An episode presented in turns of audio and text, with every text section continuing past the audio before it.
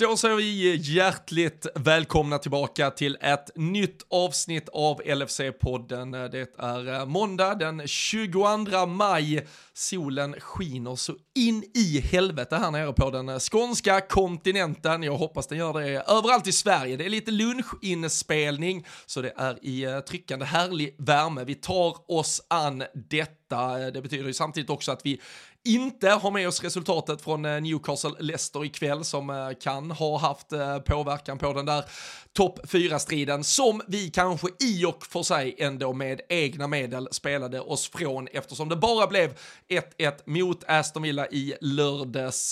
Det var en match som när vi minns tillbaka kanske inte kommer minnas jättemycket för det som skedde innanför de kritade linjerna under dem, ja, inte bara 90 nästan eller drygt eller lite mer än 100 minuterna utan kanske snarare då allt det som eh, kom att, uh, ja men kom att stjäla fokus under efterspelet det var ju en avtackning av en hel kvartettspelare. James Milner såklart, men uh, det är ju en Roberto Firmino som stal egentligen allt strålkastarljus där. Så uh, det ska pratas såklart både lite fotboll, Dummar-Danne är framme med lite analyser och tankar och så blir det nog ändå väldigt mycket just Firmino, hyllningar, lite säsongssummerande, men vi har ju såklart en match kvar mot Southampton till helgen och eh, sen plockar vi ner allting när de 38 omgångarna är eh, avslutade. Men eh, nu har ni en härlig halvlek framför er, så sätt er till detta så snurrar vi igång ett nytt avsnitt av LFC-podden.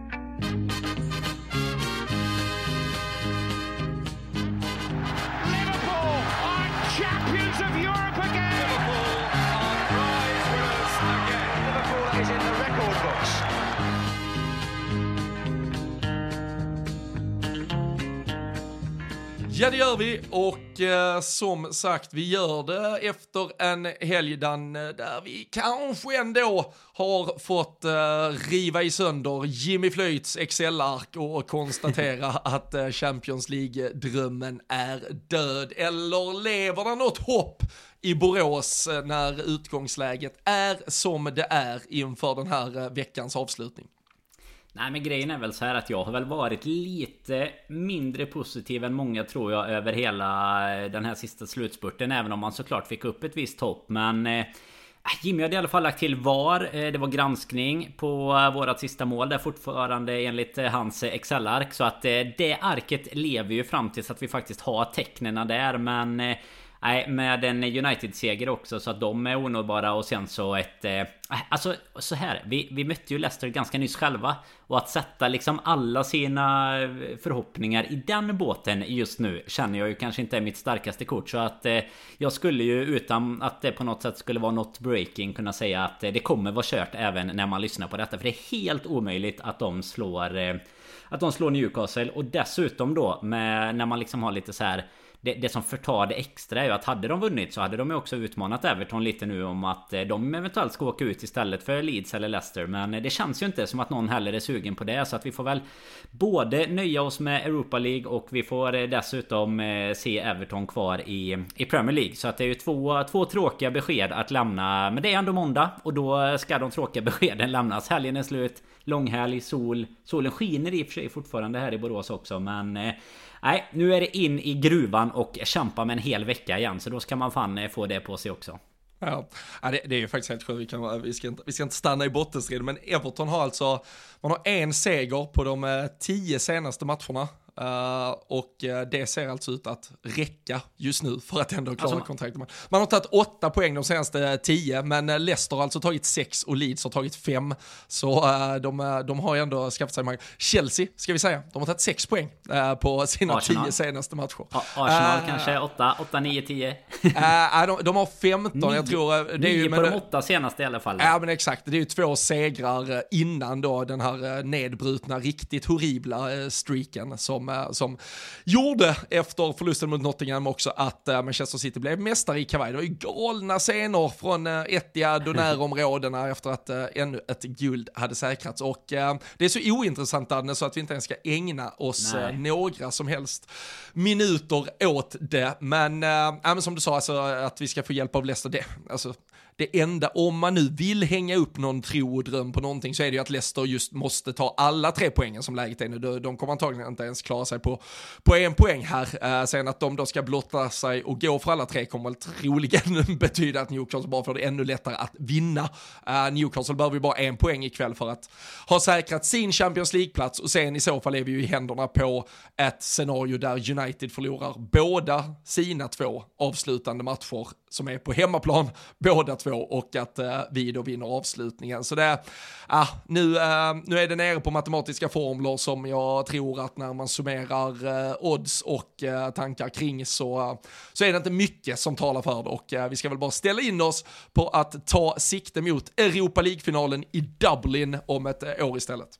Ja men verkligen och det var väl i ärlighetens namn. Alltså det är klart att man alltid vill drömma men det är väl eh, på något sätt om man ska gå till eh, realisten i sig så är det väl ungefär det man har, har lite väntat sig eh, under eh, de sista månaderna. Sen att vi fick den här lilla dödsryckningen eh, som ändå innebar så många raka segrar och att United liksom förlorade precis de matcherna mot Brighton och West Ham som de behövde förlora. Det, det var väl det som gav en lite förhoppningar men alltså till syvende och sist så, så är väl en femteplats ungefär vad vi kan förvänta oss om man liksom ska titta tillbaka på vad vi själva har presterat under säsongen så är det väl faktiskt eh, halvt välförtjänt att vi, att vi missar Champions League också. Det hade ju nästan känts som en bragd i slutet. Men eh, jag tror inte att man ska hänga upp sig för mycket på det. Eh, vi får hitta glädje i att vi ändå ska ut i Europa. Det blir eh, lite andra spännande möten än att bara möta Real och, och Bayern och de här finaste klubbarna. Och det...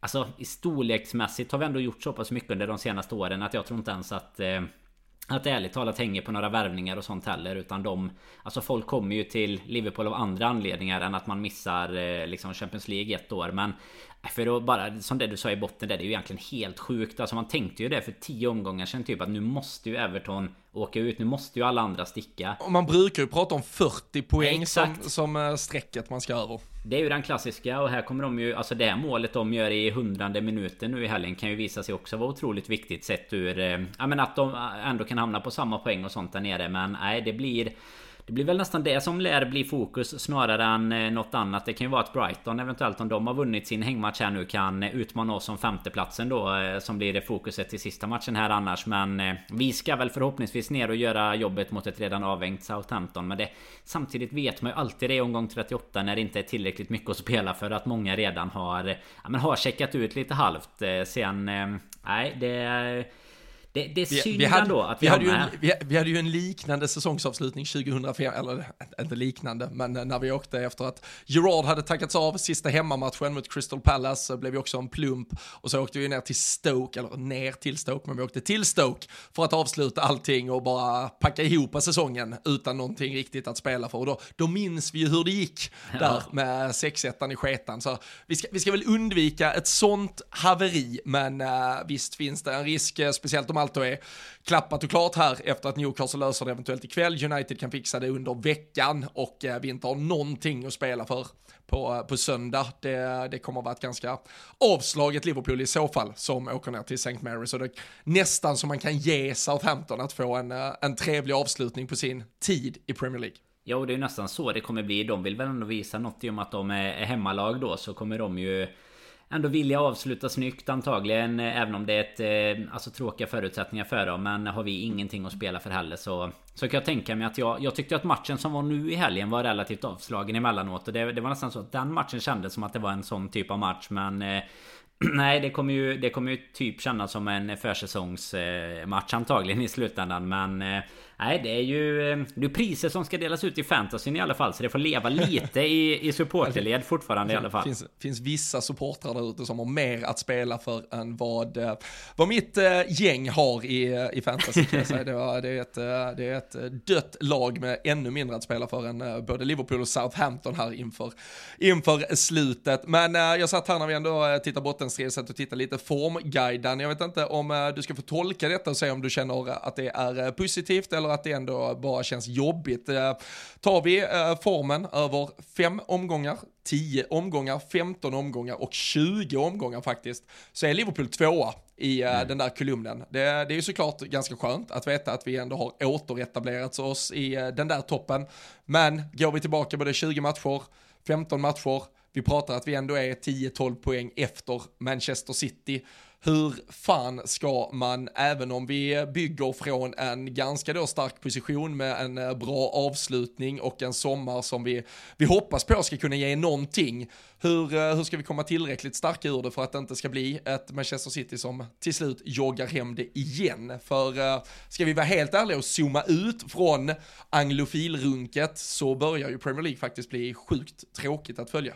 Ja men det är ju precis samma som ett eh, Bayern München eller en... Nej nu ska jag inte säga Spanien är ju fortfarande två tvålagsrace i alla fall då. Men eh, då är ju Juventus, eh, nu vann ju inte de i år, men eh, det var ju både poängavdrag och, och få tillbaka Tysk, sina poäng mitt Och i Tyskland får nej. vi ju faktiskt ett äh, rafflande avgörande. Där Julian Nagelsmann Absolut. får äh, visa sig att äh, han, äh, han, han sover nog gott i alla fall och äh, Thomas Tuchel lite sämre efter hur allt ser ut att ja. mynna ut där. Ja och det är så jävla skönt också att eh, Tuchel förtjänar att sova så dåligt varje natt. Så det är otroligt skönt att det både rök i, i Champions League och även nu då i, i ligan. Men jag menar så som de har sett ut tidigare då så, så eh, är det ju Bayern, det är Juventus och sådär som verkligen har dominerat. Jag menar titta bara på det är ju våran eh, Det är våran ligaseger där 20 som liksom sticker ut. Annars är det ju City all in de sista åren.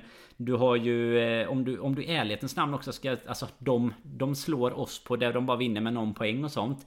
Där är det ju snarare vi som har stått för en extrem överprestation. Så att jag skulle, eller extrem kanske att ta i, men alltså ja, men det är ju. vi har presterat de, de, bättre de, än vad de...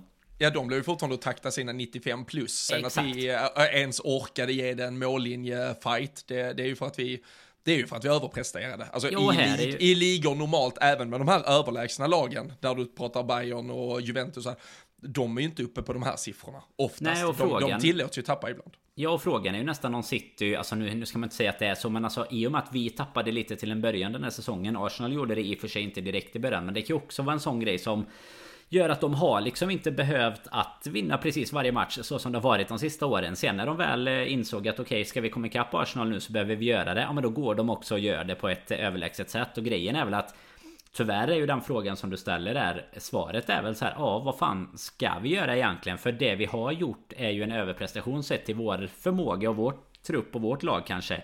Men inte för Manchester City då som liksom igår eh, Ja men vinner mot Chelsea. I och för sig Chelsea med all respekt nu då för vad de eh, kanske inte har gjort den här säsongen. Men jag menar vad fan med en bänk med Haaland, Grealish, eh, De Bruyne Alltså allihopa de startar inte ens och ändå löser de den matchen. Även om Chelsea inte nu hade något att spela för men Problemet blir väl snarare att eh, ligan i sig, alltså hur ska något lag kunna utmana dem? För det är bara att titta på vad de även gjorde med Med ett Real nu då i Champions League Alltså det är ju De börjar ju också komma upp till en nivå nu där, där de ska vara eh, Sett till vad de presterar, hur de har fuskat sig igenom systemet och, och hela den biten. Alltså det, de ska ju vara bäst, de ska ju vara överlägsna. Men det tråkiga är ju som du är inne på att vi riskerar ju att få en liga som lite, alltså lite Farmers League så som de snackar om. Som det lite har varit. Alltså hade det inte varit för oss de sista åren. Så hade det ju varit precis så här. Alltså City hade vunnit ligan med 10 poäng plus varje år de sista 5-6 åren alltså. Så att Nej, men, eh, det är jätteproblem. Nu i sitt Ja, Arsenal nu i sitt eh, extraordinära utmanande om titeln den här säsongen kommer maximalt landa på 84 poäng. Det, alltså, du är inte nära att utmana Nej, och vad Manchester City, City på, på 85. Nej, vad hamnar äh, de om de vinner eh, sista här nu? Nu har jag inte det framför mig, men jag menar de, de hamnar väl i alla fall en 6, eh, 6 7, 8 poäng före. Eller vad, vad blir det till slut om nu båda två skulle gå rent i sista då? De landar på, de har 88 poäng, de har två matcher kvar, så 94 poäng där någonstans. Så det, ja, det, det var väl det de, du, förra säsongen vinner de väl också på 94 mot 93 på, mot oss tror jag. Något sånt. Men då, ja, och jag menar då är det ändå en rejäl lucka. Ja, då är det ändå en rejäl lucka ner till, eh, till Arsenal. Då hade vi ju i alla fall, då levde ju liksom in på sista dagen och sådär. Och det är väl ärligt talat så att eh, sådana lag som eh, både vi, Arsenal och Chelsea, Spurs, alltså många ska väl kunna ligga mellan eh, Alltså allt ifrån 70 eh, och upp till eh, typ 85 Alltså det var ju så om, Vi har ju pratat om det här innan Men en Sir Alex till exempel Alla de titlarna de, Det var ju aldrig över 90 poäng i stort sett Utan man vann ju mellan Alltså tog du 85 poäng eller över 80 Då var det ju där de, Absolut. Många tog poäng av varandra liksom Men Problemet nu med ett Manchester City blir ju att Är det ingen Alltså frågan är ju så här Kan vi liksom slita ut oss för att utmana dem? Alltså kan vi verkligen hitta den uspen igen? Eller kommer vi liksom få nöja oss med att vi ska kämpa om att vara mellan lag 2 till 4? Alltså nu låter det ju skittråkigt efter att vi har kunnat utmana dem uppenbarligen de senaste åren. Men, men som sagt kanske lite mer på att vi har haft eh, en Mohamed Salah som liksom vinner en skytteliga varje år och sådär. Spela City så som de gör nu och liksom inte kommer tappa några poäng i stort sett då, då blir det ju de matcherna som vi har mot dem. Alltså så som det verkligen var de här säsongerna. Det blir ju Det blir finalerna på något sätt. Samtidigt som du, du inte har råd att spela 1-1 mot Aston Villa hemma och du kommer inte ha råd med något av dem. Alltså vi, vi har gjort otroligt många poängtapp ska ju sägas den här säsongen som vi absolut inte... Det kommer vi inte ha råd med om vi ska komma topp 4 eh, sen heller mot liksom... Ja men både bottenlagen som Nottingham och Bournemouth och sådär och även en del mittenlag. Men, men jag menar höjer vi oss och vinner 4-5 av de matcherna så är vi fortfarande extremt långt ifrån ett eh, Manchester City liksom. Så att eh, nej, vi får väl, vi får nog, väl fila på det i sommaravsnittet om det jävla pisslaget nu. Ja, det, kommer i, med... det kommer en sommarspecial när vi har lite öl innanför västen. Så då ska vi nog hitta på en formel även för det. Ja, ja, vi får väl se det. Eh, vi, eh, vi gratulerar dem till att de har lyckats vinna ett eh, då, ytterligare guld samtidigt som de har 115 olika domar mot sig som ska granskas och äh, diskuteras och debatteras innan vi vet exakt hur läget ligger till. Men nog om det. Vi parkerar Manchester City i någon form av utvisningsspårs resten av det här avsnittet och, och kanske ett par veckor framåt så vi slipper prata om dem. För uh, vi uh, spelar ju faktiskt ändå själva bort oss från den där topp 4-chansen genom att inte pusha det hela vägen genom en seger mot Aston Villa. Det var en match Danne som inför, uh, ja men det, det, var mycket snack såklart kring den här kvartetten som skulle tackas av. det var samtidigt mot ett av ligans, på tal om form då, starkaste lag och det skulle krävas en riktigt, riktigt bra prestation av Liverpool. Det, det känns väl som att även om vi såklart ska ge beröm till till Aston Villa och de eh, kostar ju på sig att missa en straff längs vägen också. Uh, som det du är inne på kring att det kändes kanske lite avslaget och att jag vet inte, fast att vi fortfarande då hade det här lilla utgångsläget med, med, med någon form av chans att eh, stöka till det så, så kändes det redan ganska tidigt som ett Liverpool-lag som var lite mer fokuserade på att det här skulle vara en eh, dag som handlar om annat än fotboll. För det, ja, jag tyckte inte vi kom upp i, eh, i full nivå som jag annars förväntar mig av oss eh, de senaste veckorna. Nej men exakt Framförallt om man jämför med de senaste veckorna när vi har haft bra liksom både energi och frenesi och sådär på planen Så känns det som att det inte alls Alltså det är ändå så här Sista hemmamatchen för säsongen och, och sådär Men lite som du är inne på det så kändes det mer som att det var en avtackningsmemorial Liksom att det var den inställningen nästan att det var lugnt. Vi var inte alls fokuserade. Jag menar straffen är ju ett eh, otroligt... Alltså de kommer ju igenom dels väldigt många gånger på liknande sätt. Precis så som leder fram till straffen. Jag menar Konate där. Visst det kan hända i en enskild eh, duell. Men det känns liksom... Det kändes lite lite... Eh, att vi inte var helt påkopplade. Och det...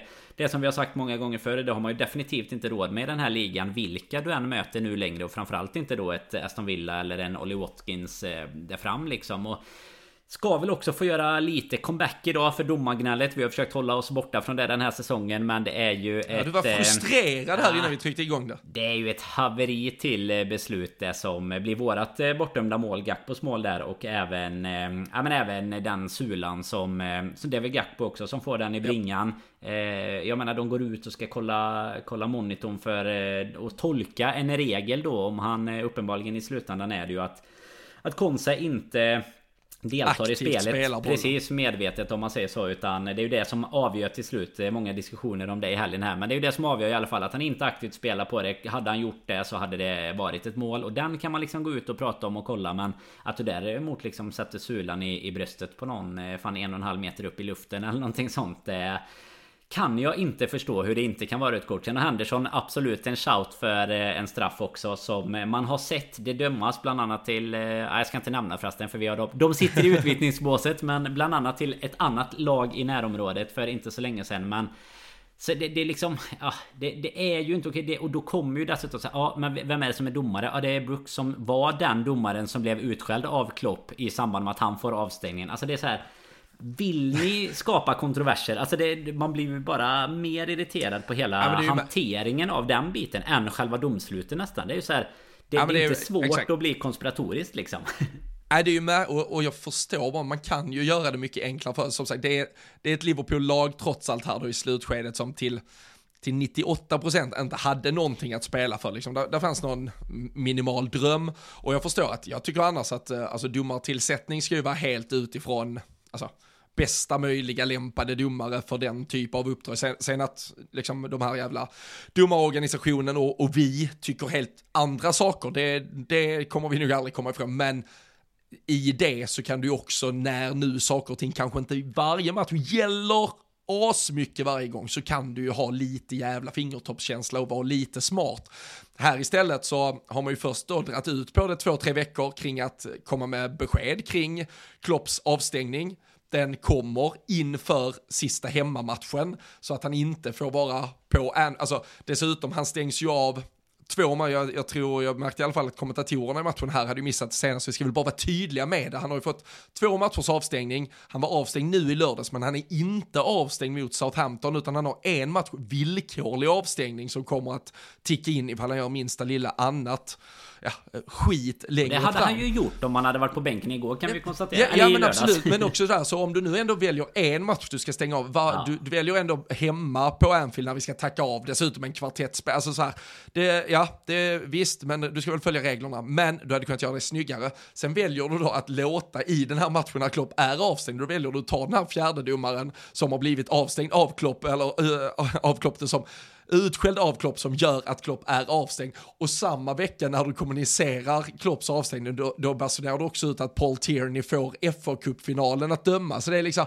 äh, det, är, äh, äh det, det är så, sånt totalt haveri. Och sen, sen, sen blir det ju också en match som blir lite absurd, för alltså straffen, deras, är ju straff, men ja, det är en ganska det är ändå en ganska soft, alltså så här, den är solklar men soft, det, det är liksom inget överfall av Kunate, det, det, är en fällning, det ska vara straff. Sen har du då äh, stämplingen på Gakpo som du absolut kan tolka på andra sätt, du har ett par andra incidenter du kan tolka, och sen då får vi en så jävla alltså, ja, helt jävla sanslös situation som leder fram till det som först då är ett 1-1 mål. Där, och det ska man väl i alla fall, om vi nu ska, vi ska inte ta någon domarkår i försvar, men folk får också lära sig lite reglerna, för det var någon som sa, ja men han nickar ju till och med bakåt, ja men det spelar ingen roll och så här, så man, man måste ändå lära sig reglerna ifall man ska få kritisera domarna. Uh, sen tycker jag väl att Konsa, man däremot kan diskutera om han ändå faktiskt vet vad jag, jag tycker han sätter upp ett knä och försöker spela den där bollen, så det, ja, nej, den, uh, det värsta, men, jag tänkte säga det värsta i den situationen också är att då hamnar vi ju det vi har pratat om så mycket innan också att så här, ja men då blir det ju helt plötsligt upp till domarna. Alltså det är så här, då, då är ju inte regelboken supertydlig utan då är det så här, ja då ska ni välja här nu då om han har aktivt deltagit i spelet eller om han inte har gjort det. För det är uppenbarligen det man fattar ju nu efter framförallt efter att man såg om det var förra veckan när de visar lite de här diskussionerna när de tar VAR-beslut och sånt. Att diskussionen har ju antagligen varit så här att okej okay, nu behöver vi tolka i den här situationen om han aktivt deltar eller om han inte gör det. Och jag menar då då, då hamnar vi ju där igen att då är det ju de här hjärndöda gubbarna i svart som ska få eh, liksom besluta. Alltså då får ju de stå där med avgörandet i handen. Och då kan ju han välja så här: okej, okay, vill jag bli huvudperson på Anfield eh, sista omgången här, eller sista hemmamatchen med Firmino? Ja, men det vill jag. Då tar vi bort den. Eller vill jag inte det så hade man bara kunnat... Alltså, det är ingen som hade klagat och det hade inte blivit jättemycket diskussion om det inte hade... Eller om det hade blivit ett mål. Alltså om det hade blivit 1-1. Det är inte så att Villa och Emery hade gått ut efteråt bara men han deltog ju inte i spelet och det skulle ju inte Eller det skulle varit offside och sådär. Alltså den diskussionen hade aldrig kommit upp för han eh, Alltså det, det, det blir Nej, det, på något sätt just, han, alltså, Det hade ju annars blivit ett bra assist Så han står ju ändå i vägen och rör ju sig Så att han uppenbarligen är han ju med i spelet. Det är inte så att han bara Det är inte så att det är ett alltså, superskott alltså, som bara råkade komma i skallen på honom liksom. När börjar du inte ens rulla repriserna så, så tror jag ingen ens eh, du, du skrev ju i vår i, i vår chatt med underton tror jag lite skämtsamt först. Typ. De kommer säkert hitta ett sätt att döma bort detta. Där, jag tror att du, ja, men där du typ skojar för att det borde väl inte finnas någonting och sen inser man, jo vad fan, ja. är där, där är någon liksom studs bakåt, spel där och där ligger en gubbe av våra nere på mållinjen typ som, men han var ju inte med i spelet från början och de har ju spelat bollen och ja, ja, till slut för att, alltså hade det bara stannat så här, mål, vi spelar vidare så hade ju ingen gått tillbaka och så, alltså Emery hade ju inte sagt på matchen efteråt, att jag har börjat fundera lite kring den situationen, kan det vara var så att det inte var medvetet av Konso, därav den nicken som egentligen gick bakåt men som vi spelar framåt, att det där är någon offside, alltså ingen hade hittat den. Så här, det här var ju verkligen ett, så här, jag förstår att vi regelboksmässigt kan argumentera för att det är rätt, men det är med en jävla massa kameror vi väljer att hitta ett rätt inom citationstecken som inte ens, äh, som vi i, om vi säger vi i fotbollsvärlden, och nu generaliserar vi oss alla, inte egentligen hade velat ha kanske. Så det, ja, skit jävla samma. Det, men det var en och jag kände framförallt efter det också, ja, om, om vi hade fått in lite energi där, så blev det en ganska lång period där vi inte alls gav någonting och sen, sen är det ju först när vi gör Nej, men när vi gör lite byten, det är klart det blir uh, en, en, en, extra känsla när Firmino kommer in och får, ja, först då, vad man tror är typ 20 minuter, det blev ju nästan 30 minuter. Och uh, Emiliano, Emiliano Martinez håller väl fortfarande i några jävla bollar som han ska slå inspark med liksom för det. Det var en maskande och ett mög, liksom myglande rakt igenom hela matchen som också drog i sönder, det gjorde att vi inte fick någon mm. rytm, men uh, det är väl först framåt, absolut, men det var ändå ingen i anstormning från Liverpool, ja, jag vet inte inte. Det kändes som att när vi låg under där, det var väl skönt att rädda någon form av eh, liksom, eh, förlust, eh, förlustsvit eller att inte förlora på Anfield, det tycker vi alltid är viktigt. Men det kändes inte som att Liverpool gav, det, det var inte 110% och blod, svett och tårar för att uh, trycka in en, uh, en vändning här under matchens slutskede. Nej, och framförallt blir väl det i efterhand så här blir ju bara eftermälet att Firmino fick komma in och göra ett mål. Bara det blir ju en en fin avslutning på hela den sagan liksom. Hade såklart varit ännu finare om det var ett avgörande mål. Men det blir ju det som nästan blev fokuset. Lite som du är inne på. Det kändes ju att Laget visste ju om att vi behövde två mål. Det kändes... Alltså vi hade svårt att komma till de här riktiga chanserna. Och blir väl nedrörd både av det här att de är ju extremt eh, duktiga på maska. Och eh, sen tycker jag också... Alltså det, och det kan jag ju säga, det är ju inte något med domarna mot oss. Utan det tycker jag ofta i matcher att Många domare har jävligt dålig känsla för det här med att låta spelet bara flyta på. Alltså där är ju Oliver en... Eh, det, det är det som gör honom till ligans bästa domare tycker jag. Att han har lite känsla för att inte liksom blåsa sönder matcherna och, och, få bort eh, rytmen för du vet minsta lilla Du vet någon bara lägger en arm på ryggen och då ramlar de Alltså de här enkla frisparkarna som en domare borde se att Okej okay, det här gör de bara för att maska liksom Och lite På samma sätt som Alisson fick någon eh, någon varning för maskning liksom. Alltså, du, du varnar Martinez för maskning kanske. Nu kommer jag inte ihåg när det var. Men säg att det är 20 minuter kvar. Och sen skiter du fullständigt i om han maskar resten av matchen ja, men efter också. det, där, det där får han ju Exakt, där får han, det gula kortet är ju hans frisedel till att göra vad han vill ja, därefter. Det ska du egentligen bara vara så här. Alltså gör du en gång till så är det ett nytt gult och rött. Eller i alla fall tillsägelse. Alltså för det blir ju verkligen så att du gör bara precis likadant sen. Och det blir så här. Okej okay, nu har jag sett dig eh, så. Fortsatt som, som du har gjort ungefär. Så jo, det blir ju... Och den här också där man, alltså vi vet ju verkligen alla att ingen blåser på någon sex sekunders regel när du håller bollen i handen. Men att, att kunna stå med den i uppåt 30-40 sekunder och gå runt i ditt straffområde, alltså någon jävla stans får ju också den gränsen sättas. Så vi för det, ja, nej, det var, jag, det, jag, jag, var ju jag var positivt överraskad att man la till så mycket tid som man trots allt gjorde. Det var ju, det var ju någon liten form av markering, men, men som du säger, om de ändå sen även under de tio minuterna tillåts dra i sönder det genom att vid tre, fyra tillfällen låta 30-40 sekunder försvinna. Så det handlar just om rytmen, det är inte tiden ja. i sig, utan nej, det handlar just om att du inte får spelsekvenser som är längre än två, tre minuter innan något jävla skit ska, ska in igen. Liksom. Och uh, där vet vi att Liverpool, Liverpool är som allra bäst när man kan skaffa sig momentum och när spelet bara flyter och eh, för oss, eh, alltså så här, bollar som balanserar på en sidlinje, det är ju alltid jätteviktigt för oss att typ hinna dit och hålla den i spel kontra ja. att låta den gå ut, även om det kanske är vårt inkast. Alltså vi vill ju verkligen att bolljäveln bara snurrar.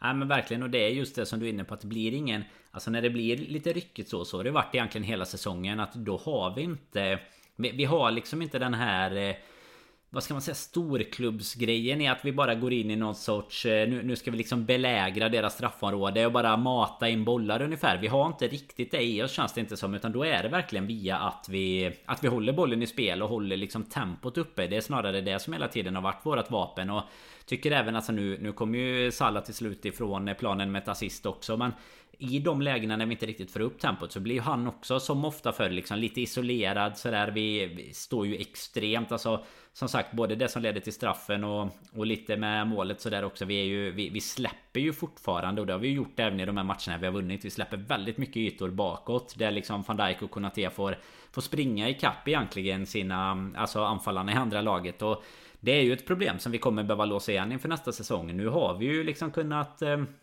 ja, återigen då göra tillräckligt många mål för att vi ändå har råd att släppa in något hela tiden. Men det är ju så i Premier League just nu att många av de här lagen håller ju en sån hög grundkvalitet liksom. Så att det är ju... Eh, det, det är svårt och du får liksom inte vara lite som vi, vi sa. Man får inte vara lite mindre påkopplad än vanligt för då, då kommer det att kosta egentligen. Och nu Nu var det väl som sagt ändå Nu spelar ju i och för sig United samtidigt så spelarna hade väl ingen eh, kanske superkoll just på det det sista men Ja, vi var ju tvungna att vända och vinna på det. Sen när vi väl får målet är väl först då, alltså sista 10 på övertiden som vi i alla fall försöker göra någonting. Sen att det bara är, tyvärr då blir fem minuter av de som spelas i stort sett. Men det, det kändes väl lite som att Premier League överlag tyckte jag denna helgen hade gjort. Det, det var lite så VM-känsla. Då var det ju alltid 8, 10, 12 minuters övertid på alltihopa. Och det, det verkar som att de har har fått det på sig. För det var flera matcher där de... Eh, ja som sagt ja. Everton nämnde jag ju innan. Det var ju 10 minuter i andra med liksom. Oavsett om det är skador och så. Så är man ju så jäkla van vid att det ändå bara blir... Det blir de här tre standardminuterna eller möjligtvis fyra liksom. Så, och sen är det så här. Det blir visst. Alltså jag, jag, tycker det är jättebra att man gör det. Och jag tycker, jag tycker man ska gå ut tydligt inför nästa säsong i så fall. Om man nu väljer att uh, applicera detta. Att, alltså ni kommer inte komma undan med skit. Men mm. jag, jag, jag, hade ju hellre sett att de åberopade tidigare. Så direkt, alltså okej, okay, ta, ta en inspark längre än 10-12 sekunder. Eller vad fan man nu sätter gränsen. Då, då kommer kortet. Och sen kommer, ja. vet du vad, gör ni det en gång till så kommer ett till kort komma. Så istället, alltså för som sagt, även om vi kompenserar med tiden i slutet så handlar det om ryckigheten vi skapar i matcherna. Vi vill ju ha ett snabbare Exakt. flow um, i det öppna spelet. Men um, vi, får väl, uh, vi får väl se att, uh, och sen också så här, okej okay, lägg på det nu, men alltså vad fan, det hade varit rätt nice om vi fick fem extra minuter i tio tidigare matcher under säsongen också. Det, det är ju lätt att vara efterklok nu. Det är kanske vinster man hade kunnat ta uh, med den Ja, och sen som du säger, du, du får ju ändå Nej men precis. Och sen som du är inne på det Du får ju ändå av de 10 minuterna så får du kanske ändå bara 5 i spel ändå. Så ryckigheten fortsätter ju även under de 10 minuterna. Så det är ju egentligen kanske du skulle fått 5 till på de 10 alltså, och där, Ja och där vet man ju att det börjar ta emot för domare Har de lagt på 8-9 så kommer de ju alltid Låt säga att du lägger på 8 Du kommer alltid blåsa efter 8 där Oavsett vad som händer under de åtta. Nej, så att, för där tycker du redan att de har pushat gränsen väldigt långt. Så det, nej, Sen är det äh, OB-ersättning för domarna nämligen, så att sen ah, måste de blåsa av annars. ja, men verkligen. Uh, och uh, jag ska, nu ska jag inte liksom kasta någon, någon smolk i någonting, men uh, nu fick vi ett tufft test när Aston Villa. Vi har pratat om hur bra de har varit under den här ja, men, ja, sluttampen, men andra halvan sen Emery kom in. jag satt och tittade lite då på lagen vi har mött längs vägen här när vi har tagit. Vi har ju trots allt tagit sju raka segrar, men det är alltså Leeds borta. Leeds vet vi är usla eh, Nottingham, eh, visserligen, som har kämpats i botten, eh, men det var en 3-2-seger den gången också. West Ham borta, som typ inte sen ett par veckor egentligen haft så mycket att spela för. Det är en 2-1-seger. Tottenham, det var ju på eh, ja, men, eh, det berömda att vi ens eh, tog de tre poängen och det är Tottenham som, om vi pratar formguide, ligger i den absoluta botten, 4-3-seger. Fulham, utcheckat, inte haft någonting att spela för, typ 1-0-seger. Brentford, inte haft någonting att spela för, 1-0-seger. Leicester, ja, klappusla 3-0-seger. Uh, vill man se glaset som halvfullt eller halvtomt här Danne, så uh, är det ju såklart uh, sju segrar, jättebra, men mot sju lag som ah, inte har varit lag som kanske förväntades bjuda upp till jättemycket motstånd. Nej, och om vi pratar den eh, formen som vi behöver nå en normal säsong för att hålla oss bland topp 4 så är ju detta matcher vi oavsett ska vinna. Sen ska, man ju, ska det ju sägas att Leeds är väl det enda laget som har vunnit på Anfield sen 90-talet eh, typ. Nej, inte riktigt så långt tillbaka men, eh, men det är ju på de, de senaste två säsongerna är det väl i alla fall här. Men... Ja, men på, alltså med, med, publik så måste vi gå tillbaka till att Christian Benteke sänkte oss med Crystal Palace ja, typ 2017 eller något sånt. Jo, men det är det. Det var ju de innan. Sen var det ju den här pandemis sträckan där när vi hade i januari var det väl vi förlorade med ja, 1-0 mot Exakt, typ alla de lagen. Ja, det var ju de, lag, det var de lagen du nämnde som vi har slått med 1-0 nu ungefär. Det var alla de som vann på Anfield med 1-0. Men nej, det alltså... Så här är det ju. Det går, det går ju absolut att göra ett case för att Många av de matcherna har ju också varit på Alltså på håret att vi har eh, hållit i och vunnit och även i de matcherna där vi förväntas vinna. Så Jag menar Fulham kan du ta som exempel där de var rätt utcheckade men de hade fasen chansen nog till att göra, göra mål också. Och det var ändå utan en Mitrovic eh, som då fortfarande var avstängd eh, liksom. Så att ja, ja.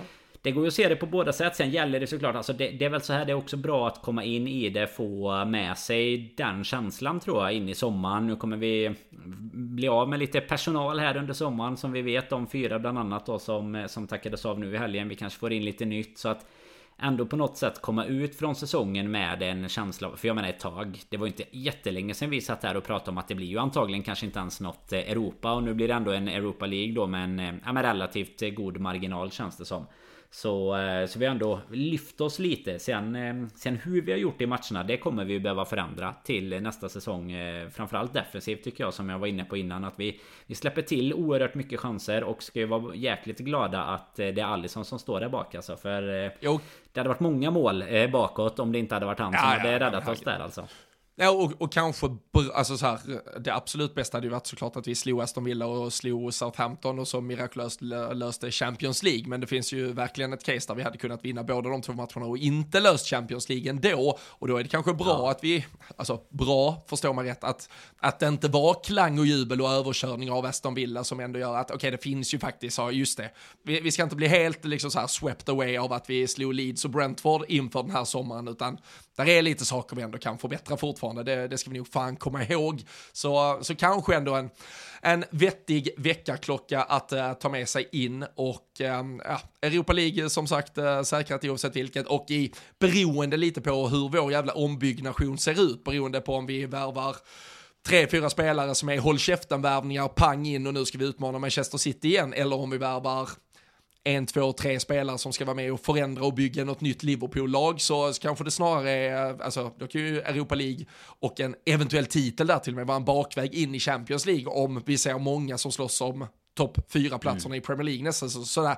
så Europa League, alltså, den är jag helt fin med att vi eventuellt landar i och kan nog vara ett klokt utgångsläge som vi har inför sommaren ändå. Ja, men också men... En ganska, det är ju en ganska rolig, alltså dels är det en ganska rolig turnering framförallt i slutändan men, men det är också det som du säger att vi har ju också mot eh, hur det var längre tillbaka så har man ju en chans att ta sig till Champions League även den vägen och framförallt i, i Premier League så är det ju det, det, är ju så pass många lag eh, ändå om det nu. Om nu Newcastle fortsätter att vara så pass eh, bra och imponerande och, och dessutom kommer spendera mycket pengar framåt så är ju det absolut en väg att ta sig, eh, ta sig in i nästa års Champions League som man kanske inte lyckas göra via ligan. I alla fall under den tiden man är under lite Ja men under lite rekonstruktion som du sa när man behöver bygga om lite och som sagt det har man inte alltid råd att vara i för länge när man När man tittar på vilka lag, alltså det är många lag som har varit duktiga, faller bort lite. Tar Chelsea denna säsongen som liksom med nöd och näppe verkar väl klara sig på övre halvan än. Så jag menar det är så pass hård konkurrens och då då är jo, ju även Europa League en, en, rolig, alltså och även under gruppen om du har lite sämre motstånd inom citationstecken då så har du också ett eh, sätt att lufta Ja men mycket av de spelarna som eh, kanske inte får så mycket tid i vanliga fall och sådär. Så att eh, Och vad fasen roliga Roliga matcher. Och det blir det absolut bästa av allt är ju att det blir ju typ inga 13-30 matcher antagligen till kommande säsong. Så att Nej, vinner vi ligan istället man kan planera för väldigt mycket söndagar framöver för det ska spela torsdags fotboll. Men, eh, och där kan vi konstatera, nu får vi se, Tottenham kan ju fortfarande lösa en eh, Europa Conference-plats, men, eh, men annars har vi ju potentiellt, eller kanske ganska troligt till och med, både Tottenham och Chelsea som inte spelar Europa alls, vilket om de får på plats en vettig manager i båda lagen, mm. gör investeringar som de ska, då kan ju de fokusera fullt på Premier League. Så som sagt, vi, vi kan ju mycket väl ha, och när vi då adderar Newcastle redan nu och vi ser att Brighton och Aston Villa som bygger väldigt klokt och bra så kan vi ha sju, åtta lag som vill slåss om Europa nästa år. Så det, det, det är bra att ändå ha den köksvägen in också genom att försöka gå långt där. Så uh, ja, ja. Äh, sen, sen, är det väl alltid ett case lite som West Ham nu. Nu är de i och för sig kan ju de ta sig in i Europa League via Conference. Men ett Aston Villa och lite sådana om de nu hamnar på en Europaplats kan ju också ibland bli blir tvärtom. För dem kan det bli liksom. jobbigt. Ja men precis ja. att det blir tvärtom. Så samma för Brighton. Jag menar Brighton har ju i och för sig... Eh, jag tänkte säga att de har levt mycket på att de har kunnat spela samma elva. Och det har de förvisso gjort. Men nu de sista omgångarna när de har roterat runt lite så har de faktiskt fått bra utdelning även på det. Men det är ju så. Ja, lag, lag med någon obskyr 19-åring från eh, Exakt. vilken jävla världsdel som helst och släng in det och så har det varit ett hattrick liksom. Ja men det är lite så att sen då framöver om du har en lite mindre trupp, en lite mindre budget. Även om som sagt Premier League-klubbarnas budgetar är stora. Även om de är små om man säger så. Så, så är det ju kanske lite svårare att hålla uppe det här när du helt plötsligt ska spela två, tre matcher i veckan. Det blir lite större utmaning för dem än vad det blir för kanske toppklubbarna. Men absolut som du är inne på så finns det ju Finns det ju säkert 7-8 lag där man i alla fall skulle kunna tänka sig att det potentiellt kan vara topp 4 material. I alla fall ja men de Big Six liksom plus då ett eh, Newcastle till exempel. Så eh, nej absolut. Eh, ett, ett sätt. Jag tror att många ibland, alltså bara för att vi har varit så extremt tajta mot City och varit så pass bra de sista åren så blir det att man till viss del kanske överskattar hur enkelt det är eh, Även i, i ett läge där vi faktiskt nu då När Firmino försvinner, Mané försvann förra sommaren Alltså när vi är lite i någon sorts ombyggnation Så, så tror jag att man ibland får respekt för att man Man, man ska gärna hamna inom topp 4 såklart Men att Att det kan bli lite sådana perioder Jag menar det är ju då, Nästan alla lag Alltså United har ju haft det nu Nu är de eh, på väg mot en tredje eller fjärde plats här igen liksom. Men eh, jag menar det har ju inte varit och direkt och nosat ta... på ligatitlar och ta Arsenal hur det har varit. De har ju kommit massa fyra. Ta Chelsea. De går upp, vinner en säsong. Sen är de nere på tionde plats igen liksom. Så att det är inte så jäkla lätt att hålla i en position eh, i toppen av Premier League i liksom så här 5, 6, 7 års tid egentligen. Nej. Det är det inte och um, oavsett vad som händer så ser vi redan fram emot nästa säsong. Men, uh, Final i Dublin. Som man ja, kanske precis, ska precis, passa precis, på. Kan vi ge ett litet resetips här? Att man kanske ska boka, boka, boka ett litet hotell där. Ja. Men uh, det som uh, i alla fall är helt säkert det är att nästa säsong tar vi oss an utan en kvartettspelare, Oxlade Chamberlain, Naby Keita, James Milner och Roberto Firmino tackades av. Vi, uh, vi kommer ju lite längre fram, typ säsongssummera allting och då tänker jag att det, detta är någonting som kan diskuteras. Därför får en trio av dessa, uh, det skär lite i hjärtat att jag inkluderar James Milner där, men han får fan också ursäkt egentligen, för det var Roberto Firminos eh, stora avskedsföreställning. Han gör målet som du sa, jag tycker också det Alltså i det läget, han vet att han gör sin sista match, han får göra mål, eller sista hemmamatch, han får göra mål framför de Kopp. Det hade varit fullt rimligt om han valde att fira det målet för att det personligen bör betyda jättemycket och mm. vara hur häftigt som helst.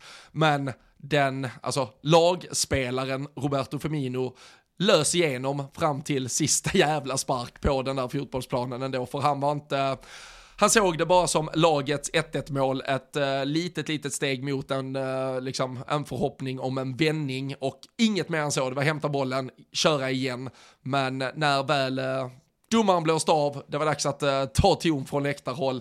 Då var det ju såklart ganska enkelriktad kärlek som bara skickades rakt ner från läktarna till Roberto Firmino. Det var, det var fina scener när han tackades av och jag tror ingen har uh, lyckats hålla sig undan. Uh, ja, dels kanske egna tårar, men framförallt Roberto Firminos tårar och de bilderna från när han applåderar av De Kopp och hela Anfield efteråt. Nej, och sen på det sättet han liksom... Eh, ja, på det sättet han stannar kvar. Jag fattar ju att han inte heller ville gå av plan liksom. Men han stannar ju kvar. Det var väl Ian Doyle tror jag som skrev. Alltså jag kommer inte... Nu minns jag inte ens hur många timmar det var efteråt. Men man hade ju liksom nästan påhunnit svalna efter domarhatet efter matchen. Till och med så pass långt efter. Och det han fortfarande var ute och tog bilder, skrev autografer. Det liksom, man har ju sett eh, egentligen i varje hörn han ställde sig på arenan och, och det bara gick igång eh, senior eh, vart han än var och det är ju Alltså det är ju med all rätt också så att det är han som ska ha rampljuset. Sen, sen är det klart att hade Milner haft en catchy sång så tror jag kanske att även det hade kunnat eka eh, lite emellanåt när han eh, tackade ja, det, var, för det, han... var, det, var ju, det var ett deppigt försök när de körde och sa There's only There's one only James one Milner. James ja, alltså, man bara, den har man aldrig hört och han nej. Eh, kände väl... Det, det, är tur att han själv det, inte gillar rampljuset som Henderson skrev i, i förorden till matchen där. För han hade, han hade absolut haft ett litet case till att vara lite besviken men han kanske gärna ställde sig... Eh, det är synd att min sång, alltså från 2015, precis när vi hade värvat James Milner, då satt jag ju och drack Fireball på Dolby Hotel och sjöng och skrev en egen James Milner. Det är sy- jag ska inte ens sjunga den nu, men fan det var synd att den inte tog fart med. Jag skulle, jag skulle jobbat in den bättre alltså. Hade vi behövt lägga in massa pipljud och censur här om du hade sjungit den? Ja, om det, var, om det var Fireball inblandat så känns det som att det kan ha varit lite obscena ord här om vi har ja, lyssnare under 18 år. Hade, det, var, det var något med att vi hade hittat ersättaren till Steven Gerrard. Och där och då lät det ju sjukt och jag förstår att Eh, fortfarande kan ses som sjukt, men James Miller lämnar ändå och har vunnit allting. Så uh, kanske inte var så jävla fel på den då. Nej, men alltså dessutom som en så otroligt nyttig spelare. Alltså jag menar om du, du pratar alltså Bobby Firmino är ju längst upp i det här eh, liksom kloppsystem, hela vad, vad som har liksom personifierat hela den här eran. Men Milner är ju mer av liksom Alltså han har inte varit den här... Han var ju startspelare länge också. Han var ju en del av det arbetsmittfältet som eh, gick så bra i Champions League 2018 framförallt. Men sen också, och även 19 till viss del då. Men sen har du ju... Det här att du alltid har kunnat lita på honom. Alltså han, han kan ställa upp på massa olika positioner. Han kan... Eh, alltså han gör jobbet. Sen får du ju aldrig... Du, du får ju aldrig ett hattrick liksom. Du får ju aldrig 10 av 10 insatsen ifrån honom. Men du får så här mellan... Sju, mellan 7, 7,5 och 8 Där kommer han alltid ligga i stort sett Om han inte har en riktigt dålig dag vill säga då Som kanske har hänt någon gång. Men alltså du vet att han går in och gör gnugget. Jag tror att eh, Klopp jättegärna hade haft kvar honom något år. Han var ju inne på det lite i intervjun själv även efter matchen där. Eh, så men att jag, jag fattar ändå om det är ett klubbeslut att man inte ska göra det. För det är ändå fyra stycken. Alltså Firmino, Keita, Oxlade och Milner. Det är fyra rätt stora löneposter som inte liksom tar ifrån någonting från startelvan egentligen. Vilket vi kan, kan investera i nytt nu och då då är det ju egentligen att bara tacka av dem för lång och trogen, trogen tjänst. Framförallt i den ordningen egentligen som du sa då. Alltså Firmino han ska ha alla sånger han fick. Det ska vara ett otroligt rörande avsked. Milner ska ha det till viss del. Keta och Oxlade försvinner ju lite mer bakvägen Men de ska ändå ha sitt för de insatserna som de har gjort under tiden Och lite som du var inne på med Milner så har de också varit med och vunnit otroligt mycket Även om de har kanske haft mindre betydande Ja, de har haft mindre det, liksom. roller, men alltså alla, hela den här All... kvartetten har ju vunnit allting som man Exakt. kan vinna. Jag, jag tycker uh, faktiskt det... att man kan, gå in, man kan gå in om man inte har läst det. Det var nog du som länkade till det, så det var du som fick in mig på det spåret. Att eh, läsa Hendersons eh, ord från matchprogrammet där angående de fyra. Då får man ändå lite rörande beskrivningar. Även, alltså lite så utanför plan att eh, Keita alltid, du vet i omklädningsrummet, för det är ju mest där han har hängt när han har varit skadad och sådär. Men alltså hur mycket de liksom även har betytt eh, utanför så, så, eh, planen så. Ja, ja men verkligen. Sen, sen, och, jag, och jag tyckte det var bra för Engels, jag tyckte det var vettigt från uh, vår uh, kära kapten. Sen, sen kan ju bli lite så här att uh, man ändå skriver typ så här att uh, Oxlade har varit bäst på träning i två år, så det, det kan He's ju dynamite! ja, fucking dynamite! Han var avundsjuk på det alltså, laget nej, som skulle få honom. Ja, och, och vad fan, de, de, de har vunnit allting så det är klart, alltså, de, de lämnar ju som en del, alltså en del i det Liverpool-laget som, som någonstans ändå i en period var, var bäst i hela jävla världen. Så det, det är ju klart att de är stora spelare som vi kommer att minnas. Eh, sen så kommer eh, de kanske inte då för sina sportsliga prestationer uh, unikt på planen minnas mest och uh, bäst. Och uh, Naby Keita, framförallt på tal om saker man länkar på sociala medier, så var det ju topp fem skadefrånvarotillfällen liksom som, som, som fick en att garva lite när det var, och han missade åtta, vad var det, åtta matcher på grund av att han hade suttit och fått lite aircondition i nacken och det var 18 matcher på grund av att han trillade när de var ute och gick morgonpromenaden och så har vi ju den klassiska prisoner of war när man får lösa ut han från, från Guinea för att han fastnar i gerillakriget liksom. Det är, det, ja, det är otroligt. Det, det, det är en lista. Ja men det säger ändå någonting om det som Henderson skriver Att han är en väldigt så här humble and nice guy Keita När han inte ens kan säga till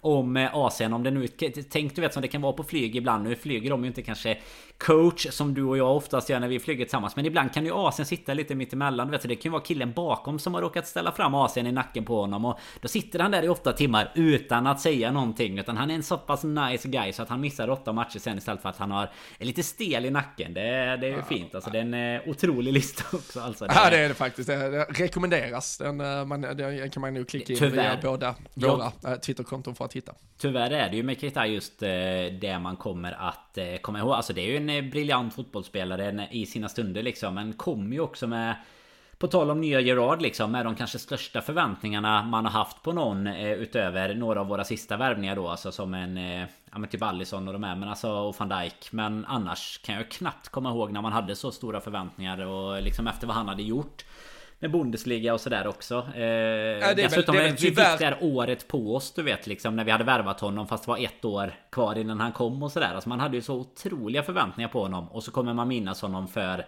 typ what could have been istället. Ja, och det är väl tyvärr, eh, om man då pratar eh, liknelser annars, så är det ju Thiago kanske som man känner viss rädsla för kommer landa i, i samma fack när, när han kommer. Sen, eh, sen kan man väl tycka att hans höjder har varit högre, men han har trots allt inte varit med och vunnit allt det där som Keita var med och vann under sina år, så det ja. kanske viss liknelse. Så, såg en eh, stat om honom. Det var nog innan den här matchen. Han har alltså varit tillgänglig för 45% av matcherna eh, ja. under tiden. Och eh, det var och det, någorlunda det samma i... Oh, det var någorlunda samma under tiden i eh, Bayern också. Sen är det ju så. Det är ju som du säger. Det finns ju ännu högre toppar de gångerna han väl spelar. Men som vi har varit inne på, som vi säkert kommer snacka om mer här i sommar när, när Silly börjar dra igång så, så funkar ju inte det. För du kan ju inte luta dig mot en spelare som du inte vet om han kommer att, att vara där eller inte. Och det är fan nästan lika, det kommer säkert komma en liten lista på hans suspekta hip. Alltså man, man undrar ju vad alla så här höftskador är för någonting egentligen? Alltså är det också en AC i nacken? Eller är det typ eh, solbränna på gässan? Eller vad är det han har varit borta för liksom? Det, kan, det ska vara, Vi, vi, vi pratar ju eh, vi pratar lite svensexor och eh, kubanska klubbar i Bratislava innan vi tryckte, tryckte jag. Det kan, han kanske är där och dansar med höfterna för det var jävlar i det. Det var till och med så att Danne Forsell svingar med höfterna där. Det kan vara att Thiago har varit där och fått en höftkula ur led efter att han har snurrat runt lite. Däremot inga skador på, på nej, de nej, höfterna nej, efter det. Utan snar, snarare nya kontrakt som väntade efter, ah, efter den uppvisningen. Nej. Men äh, ja, har vi några avslutande ord kring äh, Firmino eller vi, ska, vi, ska vi stanna lite här? Jag tror alla har liksom tagit del av bilderna själv och så vi lär återkomma i frågan. Om ja men så. precis. Jag tänker att vi kan ju snarare få med det kanske lite i säsongsavslutningen här sen någon sorts... Eh, ja, men lite, man kan ju ta någon liten tillbakablick på vid något minnen kanske? Ja, ja men precis. Något, liksom litet kort, lite. något litet kortare sommaravsnitt där man kan dyka in med bara Ja men sköna mål, sköna grejer, alltså bara hela personen. Alltså det är så mycket olika saker som man, som man älskar honom för. Så att eh, det, det förtjänar han väl att vi kommer tillbaka och gör en liten återblick istället för att vi hafsar in det på sista fem här innan, eh, innan ja, det ska verkligen. blåsas av. Så att, uh, jag tror det var från officiellt uh, håll i alla fall, att man jobbar på någon liten dokumentär kring familjen. Och så, så var det bilder på att de skulle intervjua hans mamma och hans, pa hans pappa såg ju för skön ut. Det var ju, föreställ dig en brasiliansk pappa inte... så, så, så har du Feminos pappa. Man är verkligen inte förvånad om det är Nej. världens, eh, liksom, hukan, hu, vad säger man, Hakuna Matata-gubbe alltså. Det är ja, alltså, exakt ja, ja. det man förväntar sig av Feminos pappa. Han ser ut som en, alltså om vi pratar den riktige Ronaldo med då hur han ser ut just nu och så plussar du på 20 år i ålder till, eller 10 år i ålder kanske i alla fall och så hur gött han har det i soffan när han sitter och njuter av livet. Nej, otroligt. Och det var ju bilder igår också från äh, söndagskvällen, det hade ju varit stort Firmino-party, han har ju verkligen brandat upp ett, äh, en bra jävla fest som avslutnings middag och meny och hela faderullan. Uh, Arturs uh, st stora kväll, han får ju vara med på lite fester i alla fall nu. Vi glömde, det, det glömde han också i den här ja, avslutningen. Det var inte, det, det, det gjorde alla. Spelare. Det gjorde alla. Henderson, Skrev, Henderson skrev ju med honom i alla fall att he, he's gonna need some luck in his career. Eller ja. vad, vad var det han skrev någonting om att han... Och det eh... viktigaste av allt kanske ändå, att Adrian inte tackades av. Det ryktas ju om eh, nytt kontrakt där kanske ett sista år till också.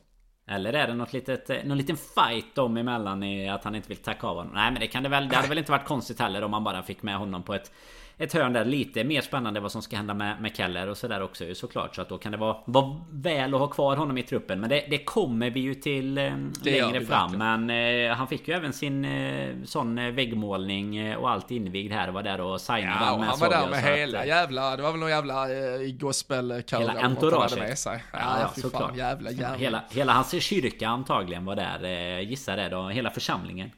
Precis. Men eh, han eh, avslutar tillsammans med Liverpool på eh, söndag mot Southampton borta. Det är också då sista chansen för er att gå in på eh, patreon.com slash LFC-podden. Där kan man ju eh, supporta podden och podden kommer såklart att rulla vidare under sommaren.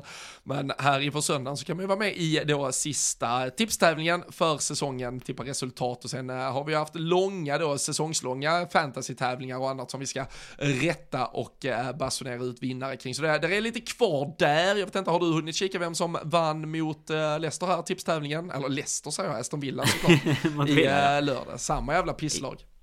Jajamän, det är eh, Emil Wiklund som tog hem det. Det var faktiskt tre stycken som hade tippat 1-1 Men eh, konstigt nog ingen som hade Firmino som sista målskytt då. Det, det såg jag ju... annars att det var många som hade. Men många det var kanske 3 0 där de trodde Exakt. att han skulle peta in sista.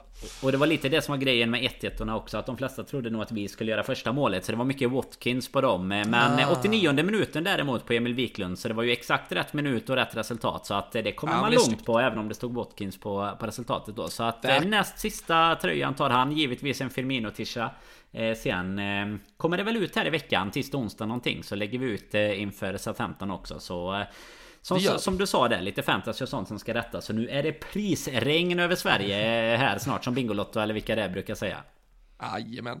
Eh, uh, de, uh, eh, ja men vi återkommer lite överallt uh, på våra kanaler med allt som gäller, men som sagt, gå in på patreon.com slash LFC-podden så kan ni vara med och tävla under veckan inför Southampton, avsluta säsongen snyggt, hoppas vi att Liverpool ska göra. Och sen får vi se här, jag ska iväg lite i helgen, måndag, tisdag kanske efter att man har blivit människa igen, tar vi ner vad som har varit en säsongsavslutning och sen blir det väl något då stort årssummerande eller säsongssummerande lite längre fram och så kanske vi tar lite ledigt, sen börjar det snacka silly och så ska allting gå. Ja, det bara flyter på den. Det kommer att jävla fart här från eh, podden under kommande veckor hela sommaren. Så bara häng med, prenumerera på podden, sprid att vi finns, eh, tummar upp, likea skiten så uh, ses vi och hörs vi snart igen.